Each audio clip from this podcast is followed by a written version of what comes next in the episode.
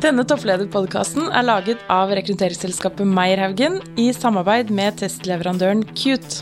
Du skal bare gjøre det kun du som toppleder kan gjøre. Og hvis du setter opp den listen, så er ikke det så veldig mye. altså fine dager, da. Ja, ja, men, ja, men det er, hvis du tenker, virkelig tenker rundt det, og da kommer du tilbake til litt av det du snakket om nå. Da kommer du til hva er virkelig du som, kun du som toppleder som kan gjøre. Du Ja. kan sørge for at du har en fantastisk god ledergruppe som funker. Og så kan du være veldig tydelig på retning for selskapet og de verdiene og den kulturen du har i selskapet. Men veldig mye av innholdet av det som gjøres, det er jo hvis du, hvis du ikke sørger for at du har flinkere folk enn deg selv på det, så har du ikke gjort jobben din.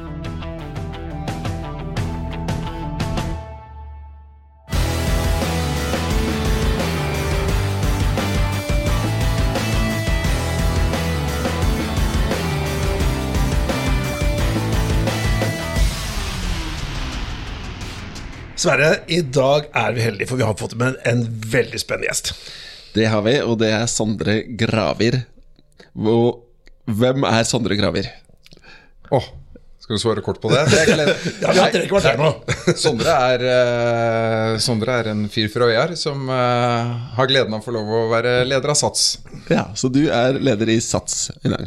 For det, det er Sats Group. Vi har sjekka det ut på LinkedIn her, og det var eh, For dere er i flere land, for det er hele Sats-gruppen. Både Norge, Sverige, Danmark, Finland Det er Norge, Sverige, Danmark og Finland som Ja. er de fire landene vi er i nå. Og Ja. da leder jeg den ja, helheten i Norden. Mm. Men du, du velger et litt sånn veldig sånn nøytralt ord for leder. Altså Du sier leder. Er det en CEO, konsernsjef? Hva er det som tittelen sånn formelt sett? Nei, Formelt sett er vel tittelen uh, CEO. Ja. Eller konsernsjef. Det er, ikke, det, det er vel ofte det samme. Det er litt, eh, litt avhengig av hva man liker å vektlegge.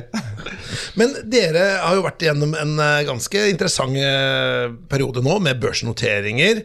Og du er jo en sånn Hva skal jeg si? Jeg skal ikke bruke ordet Wonderboy, selvfølgelig, men du ble jo henta fra Skipsted for å få en, eh, en, en kjede som i hvert fall veldig mange treningsglade folk har hørt om. Det var liksom starta den der trenings, kommersielle treningsbølgen i Norge. Ja. Og så har du tatt inn for å øh, løfte den inn altså i forbindelse med børsintroduksjonen, og ta det da videre derfra. Ja, eller det var vel ikke nødvendigvis at det ble eh, tatt inn for å løfte det på børs. Eh, det var jo noe som kom opp eh, etter hvert. Men vi hadde to store eiere, Altor og Trygghetsgruppen. Trygghetsgruppen er en dansk stiftelse, og Altor er et privat investeringsselskap, nordisk. Og de så på ulike muligheter, og så endte det opp med en børsnotering nå i høst. Ja, Men de er jo også med videre som store eiere fortsatt. ja nettopp. Men du, dette skal vi komme tilbake til, men vi skal øh, introdusere, eller vi skal bli bedre kjent med deg. Og hvis vi hadde møtt hverandre på fest, da, uh, eller en sosial sammenheng, Ja. og, og så hadde jeg liksom stilt deg et spørsmål, og så hadde jeg spurt Du, Sondre, hva mener du om akkurat dette? Og dette er tema du kunne prate hele kvelden og natta om, på innpust og utpust. Utenom noe jobb, da. Hva skulle det vært? Hva skulle det vært? Jeg tror ikke jeg er den som prater Jeg er glad i å prate, men jeg Ja. tror ikke jeg er den som prater hele kvelden og natta på inn- og utpust på fest. Jeg synes det, er, det er jo gøy å få å snakke med andre og høre litt med andre også. Men, men det ender jo ofte opp med, i hvert fall hvis det er eh, folk man ikke kjenner, så ender det jo veldig ofte opp med ikke å snakke om jobb, men å snakke om nå sats. Ja, ja. det, og, og det er bare noe med at Og det er jo det som er er liksom også passion i forhold til å få lov å jobbe i sats. Det er jo det at det, Og det er jo ikke bare med sats, men jeg tror liksom hvis man jobber med Jobber med en, eh, et produkt eller en tjeneste eller noe som folk har et liksom sånn sterkt forhold til, Ja, ja, og masse følelser knytta til, så blir ofte det tematikken. Men det syns jeg er eh, fantastisk gøy. Ja, altså Vi hadde jo hun Anniken Hauglie her. Hun var jo da sjef for, for eh, Arbeidsdepartementet, da, de som hadde med Nav å gjøre. Hun møtte den ganske ofte, sa hun. At det var mange som var interessert i å prate om Nav når hun var på fest. Ja. Så prate om jobben sin det, Ja, Men hvis du skulle sagt noe som er helt utafor jobb, da? Nei, Da kan det være um, Ofte, ofte syns jeg altså, Snakke om uh, ski.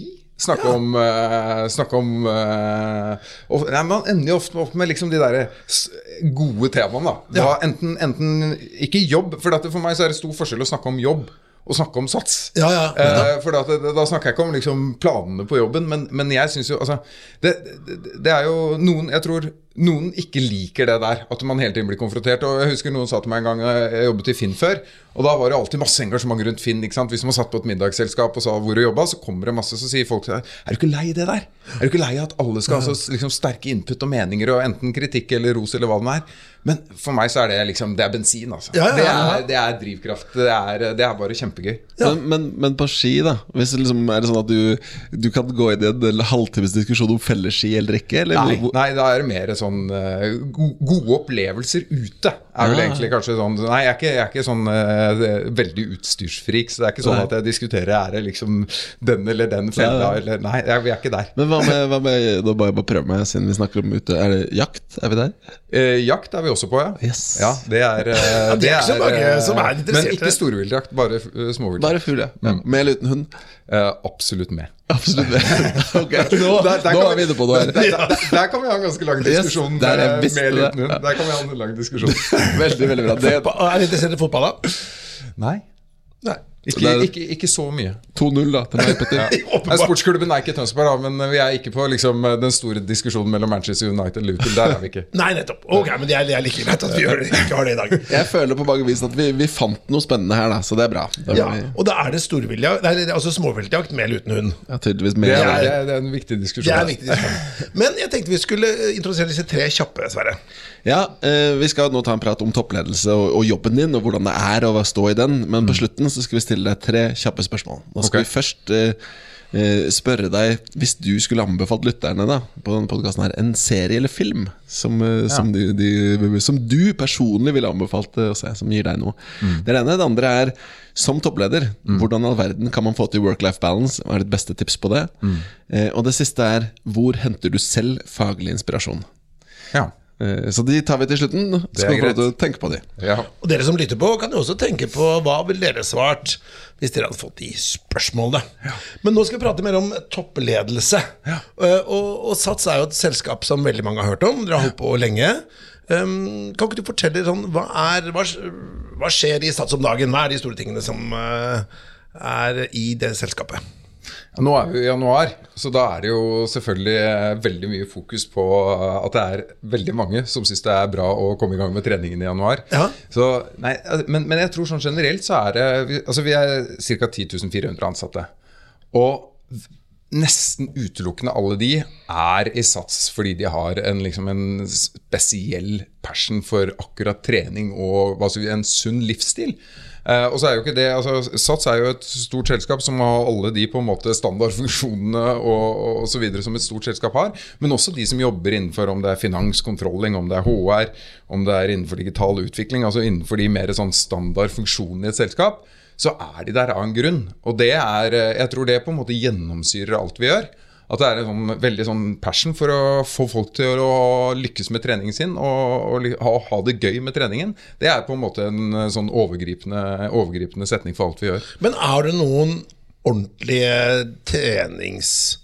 Som hater trening? Og er noen litt sånn er noen, Har du noen tjukkaser på Sats som jobber tjukkaser der? Ja, det er absolutt. Det er ikke, altså, Sats er jo, vi er jo heldigvis ikke en sånn veldig sånn nisje, nisjeprofil for bare de som er superveltrente. Nei, nei, Vi nei. ønsker jo å ha tilbud til, eh, til egentlig For Det kunne vært litt bredt. slitsomt hvis du begynner deg, og jo, jeg skal jobbe som kontroller på Sats, og jeg hater trening, og jeg liker å spise bamsemums mens jeg gjør jobben. Er er, det er lov, det er lov å like å spise bamsemums, men jeg tror hvis du, hvis du Altså, alle kan selvfølgelig jobbe i Sats, men jeg tror du hadde på en måte du, du, må ha, du må synes det produktet vi leverer hver dag, er bra. Altså, du, du må ha en eller annen du trenger altså, jeg, jeg er ikke noen sånn supertreningsfantast selv, og vi har mange som ikke er det, selvfølgelig, blant de Du gikk opp trappa i åttende etasje her i istedenfor å ta heisen. Det la vi- det la vi merke det la til. vi- det la vi merke til.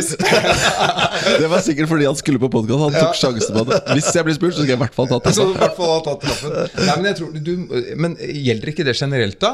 Uansett selskap? Så tro, altså, du har jo selvfølgelig de som har en sånn kjempeinteresse for fagområdet. Og det kan være innenfor regnskap eller andre områder. Så du, du, du må ha en passion for fagområdet. Men jeg tror selv, da, uansett om hvilken rolle du jobber i et selskap, du må ha du må være litt stolt av det og like det produktet man lager. Living the brand. Ja, Man må det. altså Hvis ikke, så, altså, hvis ikke så trives man ikke så godt som man burde trives, tror jeg. Og, og, og der, er det jo, der er det jo I den bransjen du er i, da så er jo det lett å like.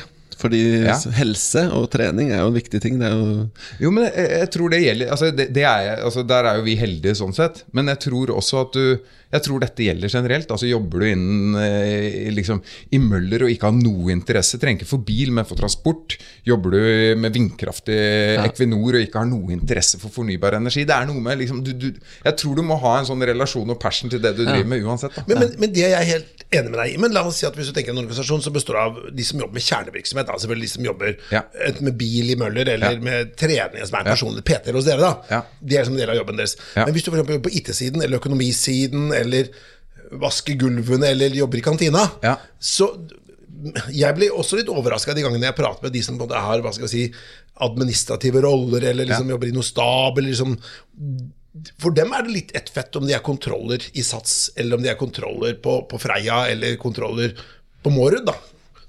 Ja, det er, for kanskje mange så er det det, men Ja. da tror jeg ikke den personen hadde vært den beste kontrolleren i Sats. Jeg, jeg, være, altså jeg, tror, jeg tror dette gjelder uansett, og så tror jeg det er selvfølgelig viktig hvis du jobber veldig sånn der kundenært, Ja, ja. uansett bransje. Men jeg tror særlig fra et sånt ledelsesperspektiv så må det i hvert fall ligge tydelig på plass. Eh, For hvis ikke så, altså Det er noe med på en måte hele drivkraften. Og det er klart Hvis du jobber med ja, du var inne på IT, hvis du jobber med digital utvikling i Sats, du jobber som app-utvikler Ja, ja. Du, du, du, jeg, tror du lager, jeg tror du lager bedre kode og greier å visualisere et bedre produkt hvis du også på en måte kan relatere deg til hvordan det Ja, hvis du er bruker produktet- produktet selv, ja. Ja, Ja, altså. Det, det er, hvis du ikke er det, hvis du ikke har noe interesse for det, da tror jeg altså, det tror jeg på en måte straff... Du har ikke så bra som du burde hatt det over tid. Men er det, men når det, Dette er en rekrutteringspodkast, på sett og vis også, selv om det er en topplederpodkast. Men når dere skal rekruttere la oss si disse personene, er det noe dere spør om noe interesser eller trening? eller noe sånt? Er det viktig for dere når dere ansetter la oss si IT-folk og økonomer og sånn? Altså, det er ikke et sentralt kriterium, for det viktigste er jo som du er inne på, liksom, fagkompetansen. Men vi opplever jo Vi har veldig mye søkere til stillingene, og vi opplever jo at veldig mange av de søker seg jo til Sats fordi de har en passion for det. Og det er, da, da, da passer du på en måte Da tror jeg du på en måte har det gøyere i lunsjen i kantina når du sitter og snakker med kollegaer også. Ja, ja. Yes, jeg har lyst til å prate litt om den der børsnoteringen dere hadde her. Ja. Eh, Kan Ja. du fortelle et spørsmål jeg har lyst til å spørre om? Hvordan er det å være Hva er den store forskjellen på å være toppleder i en ikke-børsnotert organisasjon, som du kom inn i, Ja. og være eh, toppleder i en børsnotert organisasjon, som du er i nå? Ja. Det er jo, altså det, For å være helt ærlig så er egentlig ikke forskjellene så innmari store. Jeg har vært leder eh, tidligere i tidligere lederjobber, så har jeg også vært privat eierskap, og så lenge i Skipsted i en setting som var en børsnotert setting. Um, så eh, for, for, altså Hvis du eh, Medlemmene til Sats, kundene til et selskap, uh, de ansatte det er jo ikke det her som er det viktige. Altså, det, er jo ikke, det som er viktig med eierskapet, er at det er et forholdsvis stabilt eierskap, og at du på en måte har tilgang til kapital og de prioriteringene du vil. Og så er det jo klart at for noen i organisasjonen, for meg, for CFO og en god del, altså noen sånne nøkkelroller, så betyr det ganske mye. Eh, og det betyr mye selvfølgelig med at det kommer inn i kvartalsvis rapportering og mye mer på en måte formelle prosesser og den type ting. Og det er klart det er mange fordeler også med et privat eierskap. Eh, du kan ha ganske kjappe, kjappe beslutningsprosesser osv. Men det er jo også noe med det å være en børsnotert setting som gir en stabilitet, og ikke minst tilgang til kapital osv., som er viktig hvis man eh, vil utvikle selskapet.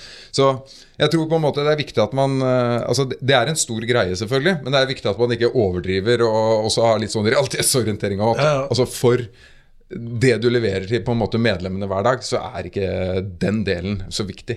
Men, men for deg da, så sier du noen, noen forskjeller. Er det f.eks. den ja. kvartalsvise? Er en? Hvilke, er det noen andre ting du opplever som liksom Nei, men det er jo viktig. Altså, men, eh, altså, du får mye mer kall det formalitet i prosesser. Ja. Altså Det være kvartalsrapportering og den type ting, og hva du kan ikke minst Børsensitiv informasjon, som ikke informasjon ut. du kan dele greier. ute, Ja, ja. og ikke minst inne. Og det er for eksempel For mange selskap så tror jeg det er en vanskelig balanse når det går fra å være privateid til å bli børsnotert. Fordi Ja. du bruker jo ofte Ofte informasjon for å drive motivasjon, for å drive salg og den Ja, ja. type ting internt. Altså man må my være mye mer restriktiv på hvilken informasjon man deler og ikke deler. Um, Og så, er det jo viktig i en børsnotert setting, som i en privat setting, men veldig viktig i en børsnotert setting, selvfølgelig at du har et, eh, et, et, eh, altså en investorbase så, som har den rette balansen mellom å være kortsiktig og langsiktig, og at du har på en måte et styre.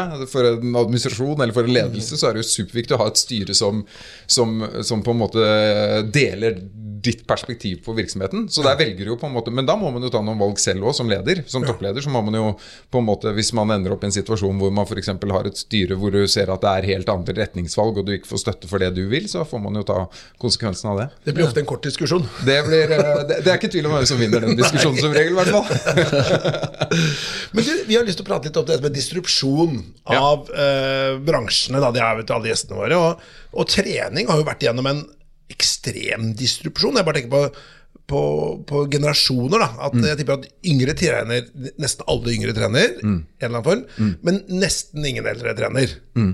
Uh, er det en sånn, Hvorfor har dette skjedd, da? Nei, men altså, Dette har jo noe med både i forhold til hvordan vi bruker tiden vår, og økonomisk liksom, handlekraft vi har som individer osv. Men altså, det er jo ganske mange eldre som trener òg, bare så det er sagt. Altså, Ja. Vi har jo en ganske jevn sånn distribusjon hvis du ser over de ulike alderssegmentene. Men, men du har helt rett. altså Treningsbransjen har vært gjennom en stor forandring, som alle bransjer. Ja. Både liksom først med fremveksten, som du sa, med kommersielle kall det aktører, og så liksom en differensiering av markedet, hvor du fikk, eh, fikk også nisjeaktører, og du fikk lavkostaktører osv. Og, så og nå også selvfølgelig hvor teknologi blir en viktig del i forhold til eh, jeg, jeg vil ikke si nye Det er jo dessverre sånn da for mange at det, trening er og blir en fysisk greie. Selv, i, selv i denne Den er analog. Akkurat det er det vanskelig å digitalisere. Den, den er vanskelig å digitalisere selve treningen seg selv, men du får jo veldig mye støtte rundt, da. Ja. Eh, som gjør kanskje treningen mer givende og morsom eh, med, med digitale produkter. Som, som også forandrer bransjen. Så eh, vi føler at det er en bransje i ganske stor forandring. Ja, for, og det, dette er jo veldig interessant for å se på Som vi sier, da. Trening er trening. Mm. Også, men i alle bransjer så er det digitalisering som er med på å endre forretningsmodeller og alt mulig rart. Hva er liksom de store spørsmålene i treningsbransjen, da? Nei, men jeg tror, altså, som du er inne på, det forandrer fundamentalt alt. Det, altså, det forandrer eh, Hvis du tar fra vårt ståsted, så forandrer det som du sier, forretningsmodellen. Altså, Vi har jo en abonnementsbasert forretningsmodell. Og Før i tiden så var det jo sånn at man kunne på en måte Da solgte man jo et medlemskap. Du må være medlem i 12 eller 24 måneder. Det er én pris, samme hva du gjør, ingen fleksibilitet. Og det er klart, Der har jo både fordi forbrukerne har jo helt andre preferanser, så der har vi også totalt endret vår forretningsmodell. Nå kan du kjøpe et medlemskap som du vil digitalt, det er ikke noe bindingstid. Du betaler for det du bruker. eh, Du kan liksom oppgradere og nedgradere medlemskapet ditt digitalt as you go. Så det er f.eks. en stor forandring i forretningsmodellen.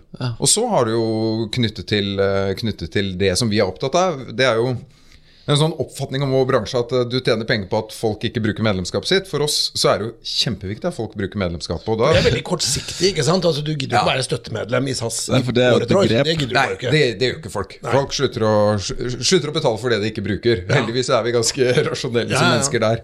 Og det er klart at det for oss å da bruke digitale kanaler, altså eh, det å bruke appen vår og andre digitale kanaler for å på en måte gi deg tilbakemeldinger, gi deg litt feedback på hvordan treningen har vært, eh, gi deg oppfølging osv. Det er en kjempeviktig kanal for oss for å aktivere medlemmene våre.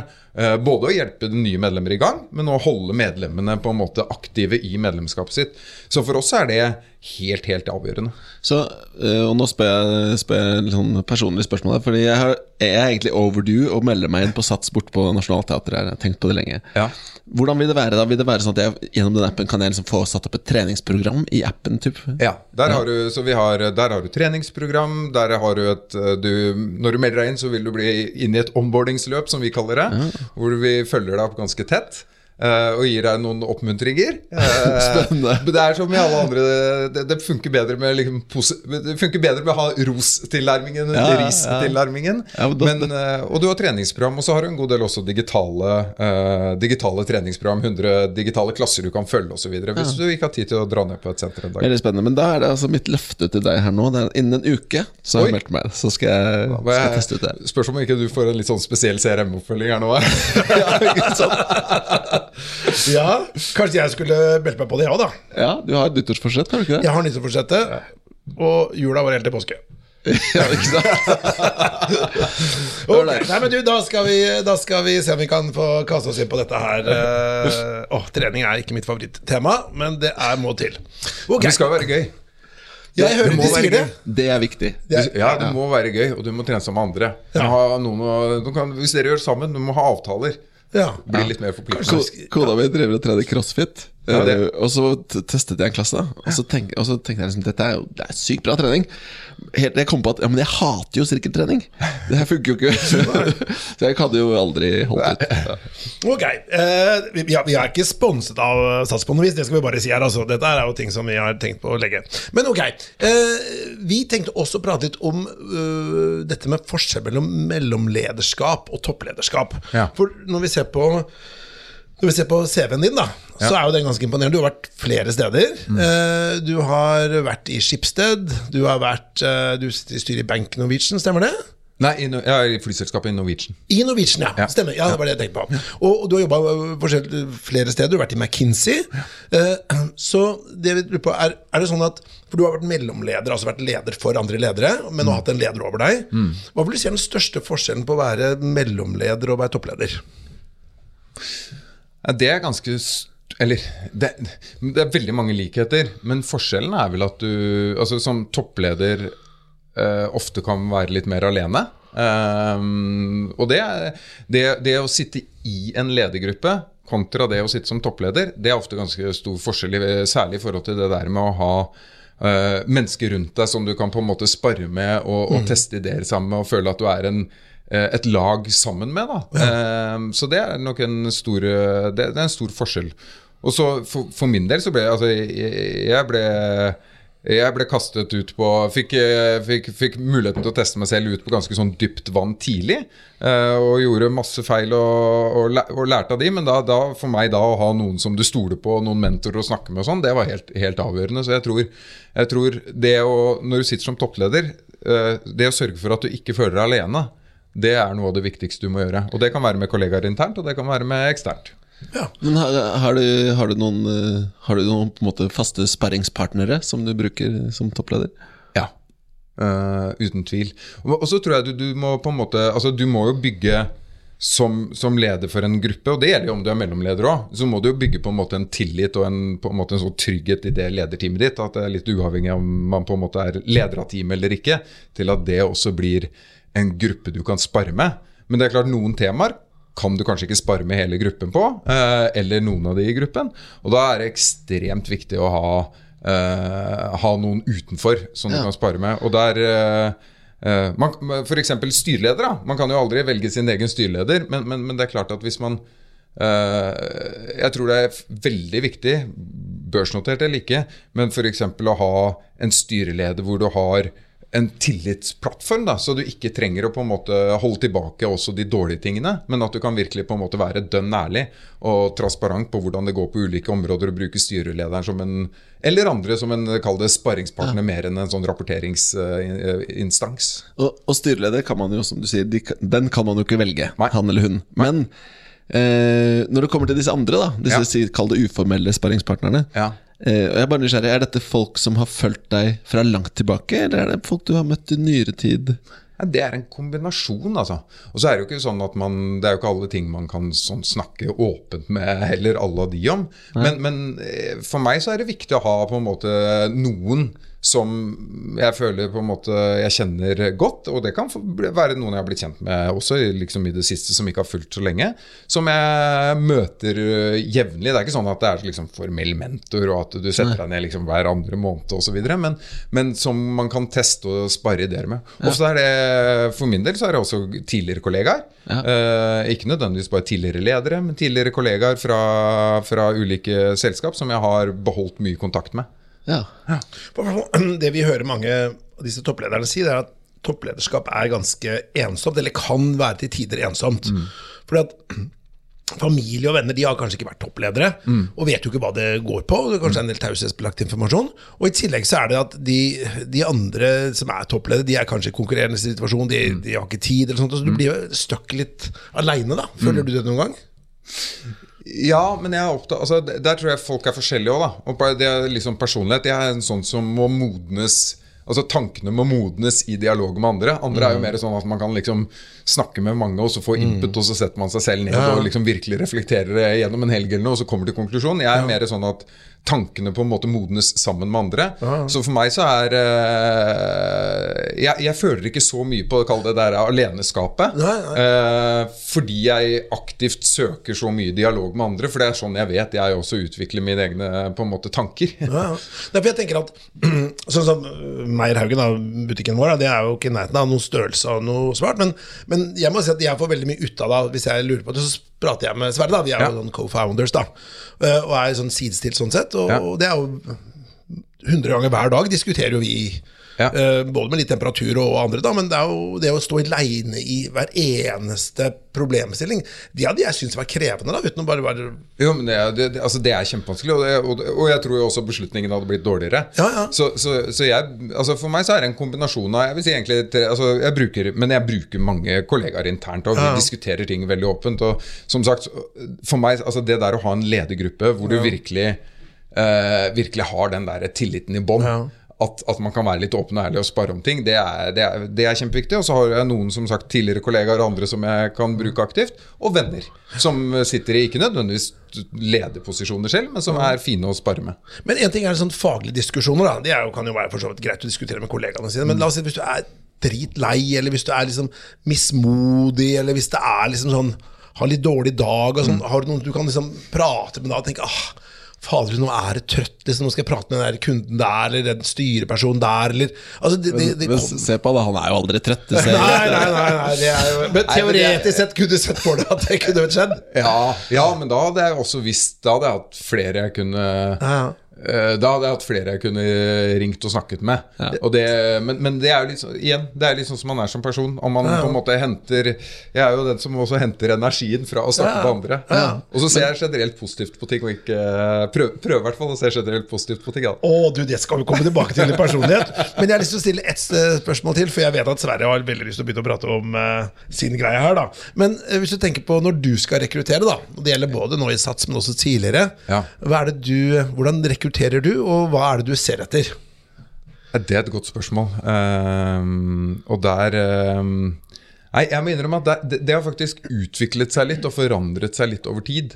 Um, og jeg tror jeg, jeg har tenkt mye på det i det siste. Jeg tror jeg er ganske sånn risikoavers når det gjelder rekruttering. Uh, jeg jo en, bodde jo en periode i, i Barcelona og ledet, uh, ledet virksomhet på tvers av veldig mange land. Og det å rekruttere lokalt i land som er veldig langt unna, veldig forskjellig kultur, hvor du på en måte ikke har noen koblinger selv, eh, sånn at du kan på en måte realitetsteste kandidater osv. i et, et nettverk osv., det syns jeg er ekstremt vanskelig.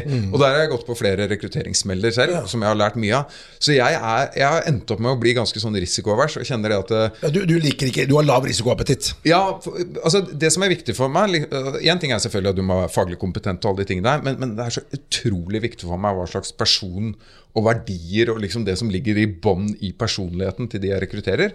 Og det å finne ut av det, og dette er jo dere mye bedre på enn meg, så jeg skulle gjerne fått råd fra dere òg. For det å liksom virkelig greie å finne ut av det i en rekrutteringsprosess, det syns jeg er ekstremt vanskelig. Så jeg endte opp med å altså jeg, Hvis ikke jeg har enten liksom noen som kjenner noen som jeg stoler på, som jeg kan teste uformelt på liksom hva slags type menneske er denne kandidaten, så har jeg ekstremt vanskelig for å konkludere. Så uh, Man har jo et utsagn i rekruttering hvor man snakker om eh, hire for attitude, train for skill. Ja. Og attitude er jo én ting, men det du snakker om holdninger, verdier, noe sånn grunnplanke, da. Det er det du leter etter. Ja, det må være. Altså, fordi at det, det, det, jeg er enig i den der hire for attitude, eh, liksom train for skills. Det er jo, en, det er jo som du sier, det er jo mange som sier det, men det er jo ikke bare attitude. Det er jo på en måte det der eh, fundamentale som ligger i en person, Ja. og så evnen til å på en måte problemløse, da, for å kalle det det. For skills, det, det som du sier, det, kunnskap om bransjen, kunnskap om industrien, kunnskap om selskap Ja. osv., det kan man jo lære seg. Motivasjon spiser skills til frokost. Ja, Det ja. er et nytt det uh, er- sitat. Altså. ja, det der er altså du, du, du, Særlig som leder, altså hvordan du fungerer med andre mennesker, og på en måte hvordan du utøver det lederskapet ditt, det ligger ofte uh, og Det er jo en sånn, også en interessant diskusjon i hvilken grad hva ligger på en måte i personligheten, og hva kan man utvikle over tid. Og jeg tror jo etter hvert som man eh, Det er vanskelig å forandre personligheten sin etter hvert. Vi begynner å, altså, vi begynner, man blir ganske satt etter hvert. Ja, ja. Men, men, men et spørsmål rundt den risikoaversen, da, hvis vi- eller dette med at du ikke har lyst til å ta de store risikoene på rekruttering. Hvordan kommer dette ut i praksis? Nei, I praksis så syns jeg det da er veldig vanskelig å rekruttere noen hvis jeg ikke har mm, hvis jeg ikke har gode hva skal vi si, uavhengige vurderinger av hva slags type person dette egentlig er, og hva, hvordan det har fungert i tidligere roller og sånn. Og Da er det jo viktig å bruke selvfølgelig gode rådgivere i en rekrutteringsprosess, men også de der litt mer for, uformelle rela- eh, kanalene inn. da. Ja, så sånn sett så er, det, så er det Fordi det er jo veldig mange som rekrutterer, som ser at de beste, beste rekrutteringene kommer via anbefalinger. Altså via Ja. eget nettverk i en eller annen form. Da. Ja. Eh, og det er jo også i en norsk kontekst hvor tillit er veldig viktig, så er det en styrke, da. Ja, men jeg tror det, det der å kjøre rekrutteringsprosesser altså Det er jo så viktig. Det er noe av det viktigste man driver med som leder. Det er jo rekruttering. Altså Det er jo, altså, du, du, du, altså, det er jo kjernen i om man lykkes som selskap eller ikke. Det er jo at man gjør gode rekrutteringer. Både enkeltpersoner, men også setter sammen team som funker. Og det å gjøre det i isolasjon Ja. Altså Apropos de andre tingene vi snakket om, å ta beslutninger i, på en måte, i, ensomhet. Men det å gjøre rekruttering liksom isolert, og ikke bruke gode sparringspartnere inn, eller profesjonelle rådgivere som dere, eller på en måte nettverket sitt, det tror jeg veldig, veldig farlig. Ja. Og så er det jo toppen av ironi, da. At uh, alle lederutviklingsprogrammer handler om hvordan kan man utvikle folk, få det beste ut av folk osv., men veldig lite om hvordan får man tak i de Ja. beste folka. Ja, ja, ja. Så det er undervurdert i ledelsestreningen, mener jeg, da. Men jeg tenkte, uh, Sverre, vi uh, har jo et samarbeid med Cute. Yes, det har vi. Cute er jo en Norges mest brukte testleverandør av personlighetstester. Og nå har jo ikke vi testet deg, da, Sondre. Men Qt har flere personlighetstester. Shapes Executive er en eh, modell vi har snakket mye om på disse podkastene tidligere. De har også nå lansert en ny modell som heter Adept. Eh, Så det er mange ulike måter å angripe dette med personlighet på, og se på personlighetstrekkene til folk. Um, og så sa du jo selv da at personlighet er jo litt sånn derre Man kan jo bli litt satt. Det jeg er litt nysgjerrig på da først, da. Når dette blir en sånn risikoøvelse for deg, Sondre Fordi det jeg lurer på er Hvis jeg hadde gått og snakket med kompisene dine, og så hadde jeg bedt dem om å beskrive personligheten din med fire ord, da. Hva tror du de hadde trukket fram? Nei, for, bare, for det første så tror jeg den beskrivelsen hadde vært ganske lik om du snakka med kompiser eller kollegaer. Ja, Og det, det kan vi kanskje innom etterpå, men det, det, det tror jeg er veldig viktig. da Ja. Hvis, den, hvis, hvis det er liksom Jeg tror det er veldig jeg tror, jeg tror ikke du overlever lenge hvis det er stor mismatch Nei. mellom de to uh, beskrivelsene. Men altså hvis kompisene skulle beskrevet meg, eller venner skulle beskrevet meg eh, Da tror jeg de hadde beskrevet meg som uh, positiv. ja. Um, raus. Um, og, og sånn Du vet at dette blir tatt opp på neste julebord? eh? ja, ja, ja. Eh, og tydelig og bestemt noen ganger. Kanskje litt for.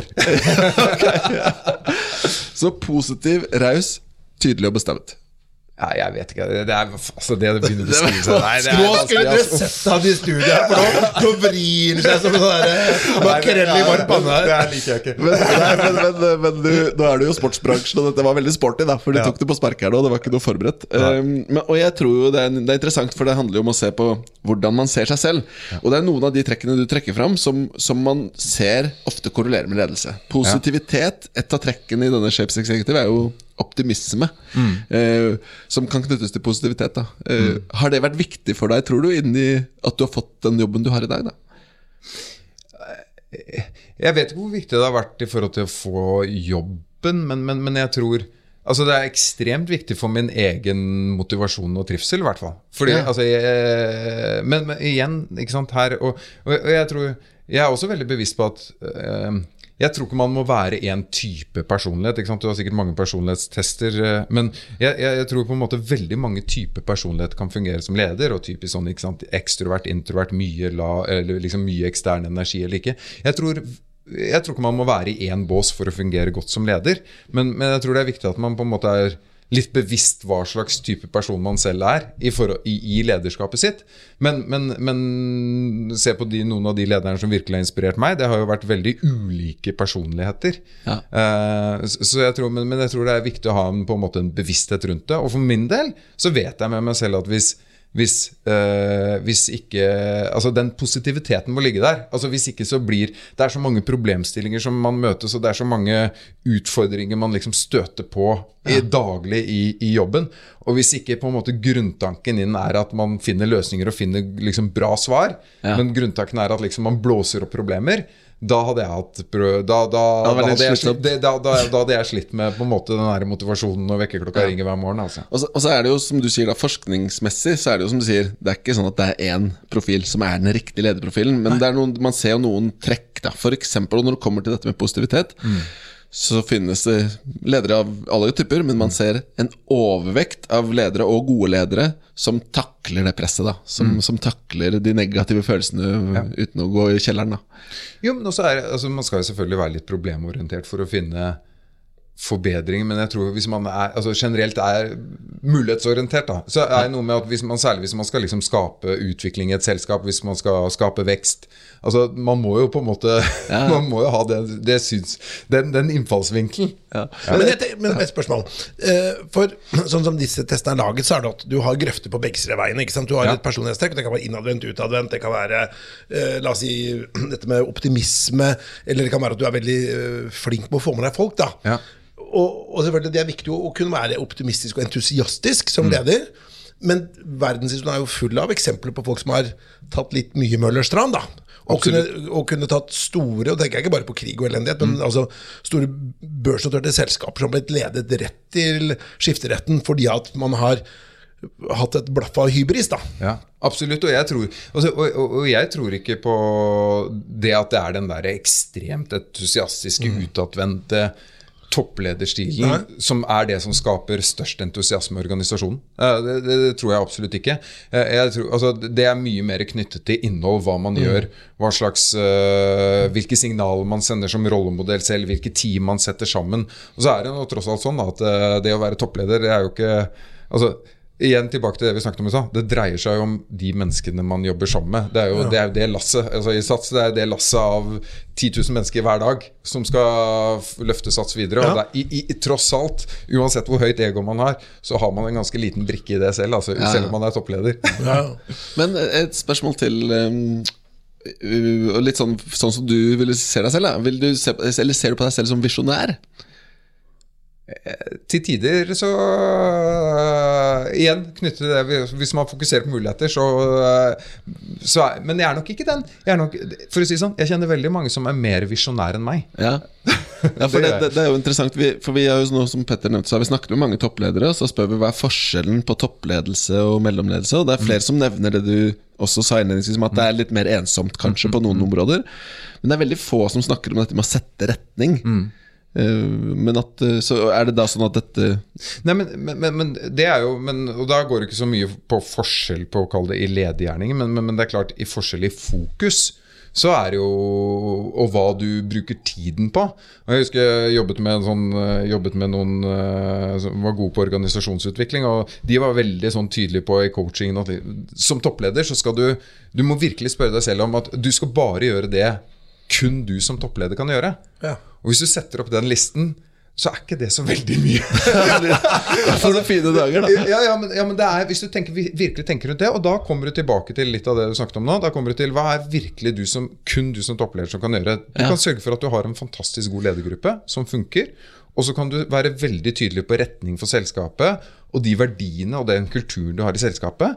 Men veldig mye av innholdet av det som gjøres, det er jo hvis du, hvis du ikke sørger for at du har flinkere folk enn deg selv på det, så har du ikke gjort jobben din. Så, så hvis du tenker på hva, hva er det kun du som toppleder skal gjøre, det bruker jeg litt som en sånn guiding i Et hverdagen. kjempeinteressant tema egentlig Det er noe vi burde snakke med flere om, Petter ja, det- jeg er helt enig, men, men jeg er ikke så enig Jeg er ikke enig nødvendigvis. da Eller la meg være litt djevelens advokat her, da. Ja. La oss si at, eh, at uh, hvis du som toppleder, så bare det du kan gjøre, det er typisk sånn strategi. Det kan typisk være kanskje samme FFO, eh, eller få få penger inn. Det kan være børsnotering. De store tankene, da.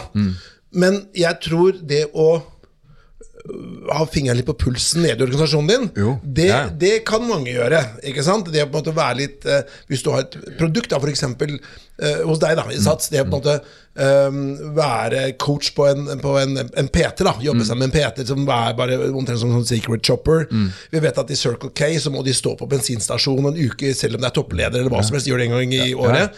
Så det er en del sånne ting som, som Ja, eh, det er definitivt andre som bør og kan gjøre det, men det er nettopp det å bevege seg litt rundt i organisasjonen kan også være nyttig. da Jo, men, jo, men altså, For all del, ikke misforstå. Altså, når jeg sier at hvor, men nå snakker jeg mer om hvor du bør fokusere på en måte internt når det kan være allmøter, den type samlinger. Men, men altså, hvis, du evnen, jeg, altså, hvis du ikke har evnen til å dypdykke Ja. Og jeg har nok heller problemet mitt er nok heller at jeg dypdykker litt for mye noen ganger. Ja, ja. Uh, du ikke er du liksom sånn og har eh, timer på sats, eller? Nei, der er vi ganske langt unna. Men jeg, jeg, jeg, jeg, vet hvor mange besøk vi hadde på enkeltsenter i går. Altså, jeg, elsker det der å gå Du har sånn dashboard, og du vet nøyaktig du får tallene? Ja, og jeg er opptatt av det, kanskje litt for opptatt av det. Men, men du, altså, hvis du ikke har den der evnen, og det er jo det er jo også noe av det vanskelige som leder. ikke sant? Det der er å balansere mellom Nettopp som du er inne på, dette dypdykket. Ja, ja. Og, og, og, og liksom det der å ta Ja, ja. litt perspektivet. Uh, men hvis du ikke dypdykker, og hvis du ikke har den liksom, forståelsen for å gjøre det, nesten heller litt for mye, da tror jeg du fungerer dårlig som leder. For du må jo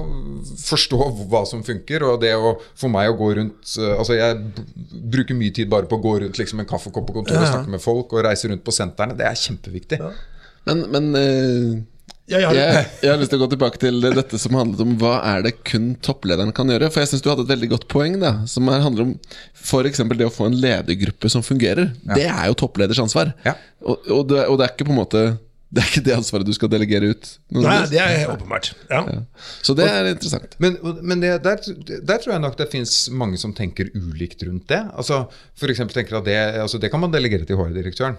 Men, Ja. men, men det, det tror jeg er superfarlig. Du, altså Nå skal vi ikke begynne en diskusjon om HR, da, men det, det krever jo i så fall at du har en HR-direktør som funker. da Ja, det er jo Det, det er viktig. Eh, men, men, det, men det å sørge for og, og, og, og for meg så har det alltid i både Om det var i Bergens Tiden, i Aftenposten, i Finn, eh, eh, i Skipsted Internasjonalt eller, og nå i Sats Det å ha en virkelig på en måte en toppledergruppe Eller en ledergruppe som funker, og som er gode rollemodeller, og som jeg vet på en måte er dønn trygg på ikke bare beslutningen, men også hvordan de fremstår som personer og driver de verdiene som man vil ha i selskapet, det er, altså, det er helt avgjørende. Du, Da har jeg et eh, spørsmål. Eh, altså, Når vi ser på CV-en din, så har du vært mange steder, som vi prater om. Og mange av de personene som vi har hatt intervjuet her, har vært eh, få steder. Altså er toppleder. Med, og så har du det klassiske topplederspørsmålet. Kan man som toppleder være leder for hva som helst? Altså hvilken bransje som helst? Eller er det stick to your guns? Eh, Hva tenker du rundt det? Det er et godt spørsmål. Jeg, jeg, jeg, jeg tror jeg er litt, sånn, er litt ambivalent, men um, For jeg, tror man kan lede på tvers av bransjer. Jeg tror man kan, kan, kan gå inn i ulike bransjer og gjøre en god jobb som leder. Samtidig så har jeg så dyp respekt for den der dybdekompetansen innenfor en industri eller innenfor et selskap. Og det, det ble altså, det jeg husker, eh, husker da jeg begynte i BT i Bergens Tidende som administrerende der, så hadde jeg en økonomidirektør som ikke skulle gå på pensjon, som hadde vært i BT i alle år. Og det å, å, og liksom det å få hvis du ikke forstår hvilken dybde av kunnskap som ligger i en organisasjon, og tar det alvorlig, da tror jeg du har et problem. Men, men, men jeg tror det som må ligge til grunn, og som i hvert fall for meg har vært en sånn rød tråd, og som jo også gjorde at jeg følte ikke skiftet fra f.eks. skiftet til Sats var så veldig stort, det er at altså, jeg, må jobbe med, jeg vet med meg selv, jeg må jobbe med konsumentmerkevarer. Jeg må jobbe med produkter eller tjenester som har sluttbrukere. eh, s- Det er B2C møter på- du må jobbe. med. ja, som møter på, på gata. Jeg må kunne liksom, altså, så jeg vet med meg selv at det er, noen, det er på en måte noen kjennetegn ved en industri eller bransje som må være på plass for at jeg skal trigges. Ja. Eh, men, men jeg tror man kan gjøre en god jobb som leder på tvers av selskap og bransjer, men innenfor noen rammer. da Ja. Beste eksempelet har vært i dag. da Nå kom den podkasten ut om en uke eller to, men i dag har det vært regjeringsskifte i, eh, Norge. Ja. Og der er det jo folk som da på en måte bytter departementer, da fra olje til samferdsel. Eller, ikke sant? Det er jo sånn, ting som er kanskje helt forskjellige. da Ja. Og de skal da være leder for svære organisasjoner og mange milliarder. da Men Ja. jeg tenkte vi skulle gå litt inn for uh, avslutning her. Vi har et sp- spørsmål rundt dette med non-profit, Sverre.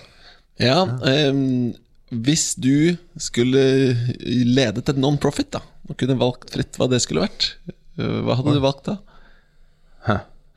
Ja, um, hva skulle det Altså eh, eh, en, en eller annen grunn så Men det er jo for så vidt ikke non-profit, da. Men, men det er noe Altså helsesektoren, sykehus, store sykehus. Det, og liksom, er også litt sånn fra erfaringen fra avisverden hvor på en måte den journalistiske kompetansen og redaksjonelle kompetansen er helt avgjørende. Så har du store sykehus, som er liksom store bedrifter men som er så viktig for samfunnet, og hvor du har på en måte helsekompetansen som er så viktig, det å Det tror jeg hadde vært en sånn ekstremt spennende lederutfordring. Men det er nok kanskje ikke non-profit, så eh, de to organisasjonene som bare detter inn i hodet, Norsk Turistforening eller, eller Røde Kors. Ja. Tror jeg. Men Røde Kors vet jeg ikke om jeg hadde orket. Fordi at det hadde, nei, men det, det, det er bare noe med at du eh, altså Apropos det der om å ta med deg jobben 24-7. Da Ja, tror jeg ja. man hadde Ja. Da tror jeg ikke man hadde greid nesten å fungere, når man får så dyp innblikk i så mye vondt som skjer. Ikke sant? Så du kunne ikke vært sjef for norsk barnevern eller liksom et eller annet sånt som altså, jeg, jeg, jeg, altså, norsk, jeg, må, altså Det å være for eksempel sjef i store liksom, politiske miljøer, sånt, det tror jeg hadde vært, synes vært ekstremt vanskelig. Hvis, det, hvis man må ta veldig mange hensyn og veldig mange prosesser og, og, og den type politikk Det finnes jo mange private organisasjoner òg, for den saks skyld. Men hvor, hvor, hvor, som gjør at måte veien til å få gjennomført ting føles bare mye mer omfattende og lengre enn den trenger å være. Det hadde jeg ikke overlevd lenge med. Da hadde, jeg, da hadde, jeg, da hadde tålmodigheten stoppa ganske raskt. Men la meg bare utfordre deg litt. For når vi diskuterte deg, så, så, så sier jeg ja. Eh, Sondre, han har sikkert vært i McKinsey, sa jeg til Sverre. Og da visste vi ikke det, da. Og så bare sjekka jeg profilen. Jo, det hadde du vært, ikke sant? Ja. Den klassiske begynner i McKinsey, og så får du sånn lynkarriere videre, ikke sant? Eh, Og så er det litt sånn man ser det jo, de går i private bedrifter, da. ikke sant? For der er du, ikke sant, du kan børsnotere, det er en del penger å hente, og det er interessant og gøy, og jeg tar ikke noe fra deg på det. Men la oss si at en sånn person som deg, da, eller en av de andre personene som både har den bakgrunnen, plutselig Nei, nå ønsker jeg å gå inn i uh, Nav, da. Jeg vil være sjef for Nav. Ja. Jeg vil være sjef for, for uh, ting som, som har et stort nedslagsfelt for, for mm, ja, nesten hele Norge. da Kunne du tenke deg som å tatt en sånn jobb? Nå tar jeg en for lagen og går inn og gjør så godt jeg kan.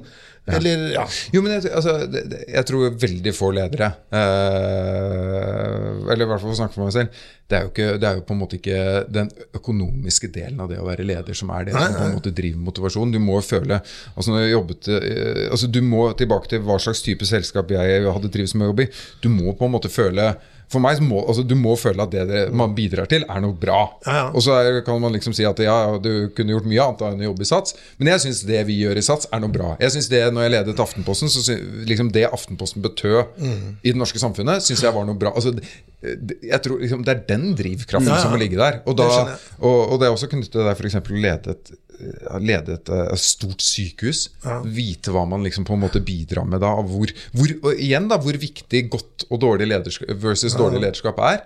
Med på, på en måte hva man får til. Det, det hadde vært fascinerende. Og det er jo Dette kunne vi prata om hele dagen. det- er Men vi er nødt til å gå over til tre kjappe svar her. ja, Oi, eh, de har vi tenkt mye på. Nå får du ta det på sparket. Um, nå vet ikke jeg, Ser du noe film eller serie? Har du tid til det? Ja, jeg, det er en av mine eh, litt sånn så, Ja, jeg bruker litt for mye tid på å se film og serie, faktisk. Ja, men da, da er er du kvalifisert til å svare på følgende, og det er da hvis du skulle anbefale en serie. Og du kan bare velge én. Ja, ikke sant. Nei, det der er jo Nå vrir de seg i studiet her. Det er jeg men det dere som lytter på. Nei, men jeg syns, jeg syns øh, Jeg er litt sånn snever på det området. Jeg kan ta altså, en serie, for den er ikke så lenge siden jeg så. Um, og det syns jeg er interessant å lese om òg. Jeg, jeg leser mye bøker. Altså, jeg syns det er interessant å lese om andre verdenskrig, og så syns jeg det er interessant å lese om på en måte religiøse konflikter. Og den type. så Det er en bok av Lawrence Wright som heter 'Al Qaida veien til 11. september'. Og den eh, boken er filmatisert nå eh, på Amazon Prime. Oh, ja. En serie som heter The Looming Tower. Å ja. eh, som viser hvordan både på en måte Al Qaida eh, og bin Laden-familien bygde seg opp, og hvorfor Osama bin Laden ble radikalisert, og ikke det resten av familien. Og så hvordan F etterretningsorganisasjonen i USA pga. egoer og manglende samarbeid ikke greide å avdekke denne oppbyggingen og, og hvordan 11. Ja. september skjedde. Det er både en fascinerende bok og serie. The. Looming Ja. Tower. Ja, perfekt. Den hadde ikke jeg hørt om engang, så den skal, den skal jeg se. Da blir det abonnement på Amazon Prime. Ja. Les boken først, da. Ja, I tillegg til abonnement på Sats. Eh, det er jo alltid kjempemorsomt å høre disse tipsene, for det er sånne ting man får lyst til å se det selv. Um, Neste er jo et litt større spørsmål sånn verdimessig, og det er jo som toppleder Jeg regner med at det er mye jobbing. Hva er ditt beste tips for å få til work-life balance?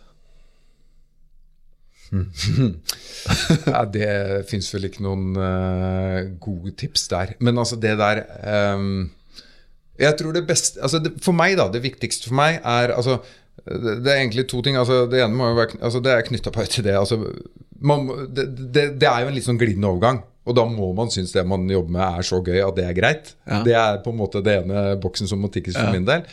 Og så må man i hvert fall, Det jeg trenger, er noen sånne liksom absolutte frikoblinger. Og apropos film og serier. Det, å, det kan være det å Vi snakket om liksom friluftsliv og sånn i stad. Eh, Det å ta sånne helt perioder off. Og det kan være, når jeg snakker periode, kan det være alt fra to timer til en helg til en uke. Men, men, men det å kunne ta noen sånn helt off-deler, det er viktig for meg. Men det at det går liksom sånn i hverdagen litt sånn sammenfallende og går litt opp i hverandre, og man må ta litt telefoner og møte altså, Sånn er det bare. Og det, hvis man ikke liker det, da, da må man begynne å jobbe et sted hvor man syns det er gøyere å jobbe. Ja, Så det er litt sånn Matrix There is no spoon. Altså, Det, det, er, det, er, liksom- er ikke, det der er ikke sort-hvitt, altså. Nei, nei. Veldig bra. Uh, siste spørsmål. Hvor henter du selv faglig inspirasjon?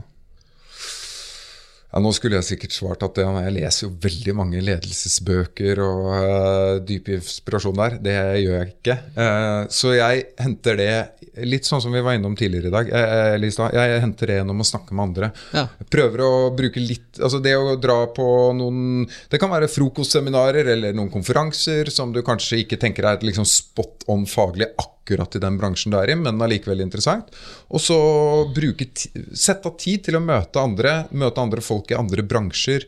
Uh, den der sparringen med andre som jobber med noe helt annet, der Er henter jeg liksom mye inspirasjon. nettverk og sånn? Er det viktig for deg?